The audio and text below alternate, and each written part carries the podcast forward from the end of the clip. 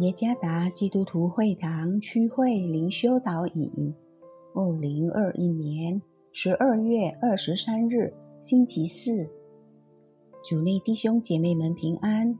今天的灵修导引，我们要借着圣经腓立比书第一章十二到二十六节来思想今天的主题：活着或死了。作者曾礼物牧师。腓利比书第一章十二到二十六节，弟兄们，我愿意你们知道，我所遭遇的事，更是叫福音兴旺，以致我受的捆锁，在运营全军和其余的人中，已经显明是为基督的缘故，并且那在主里的弟兄多半因我受的捆锁。就笃信不疑，越发放胆传神的道，无所惧怕。有的传基督是出于极度纷争，也有的是出于好意。这一等是出于爱心，知道我是为便民福音设立的；那一等传基督是出于结党，并不诚实。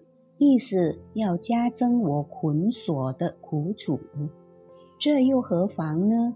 或是假意，或是真心，无论怎样，基督究竟被传开了。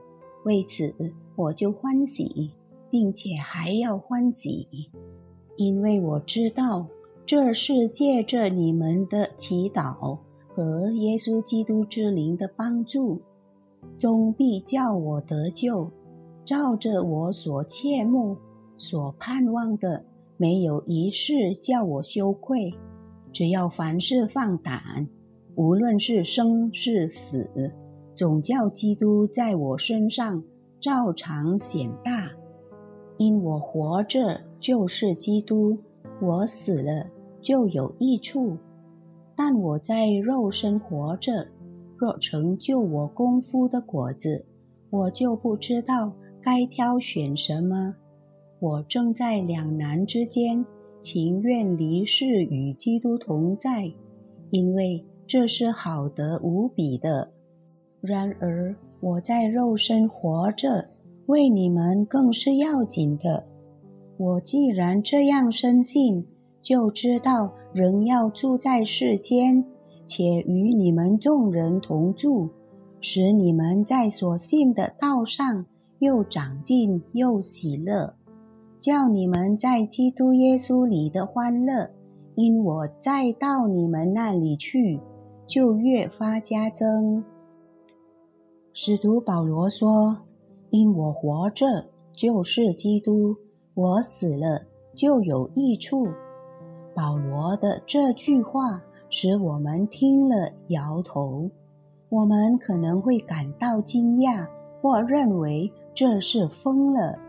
这世上没有多少人希望自己死。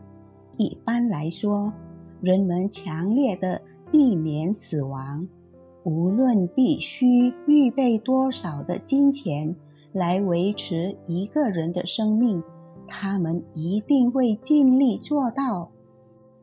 就人性来说，如果可以选择。保罗宁愿死而与基督同住。保罗对基督的爱是那么深厚。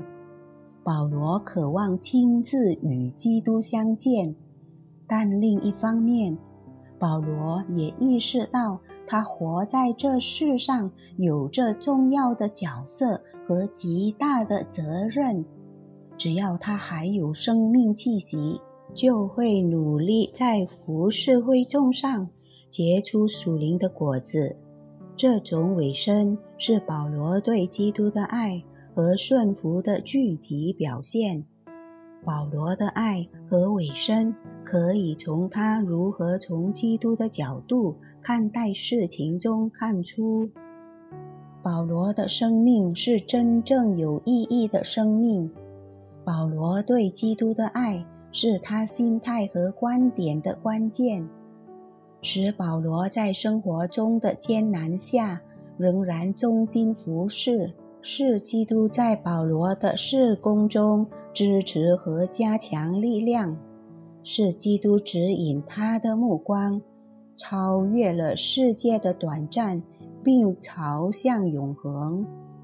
让我们从保罗的生命中学习吧。我们要爱主耶稣，并开始从他的角度看待事情。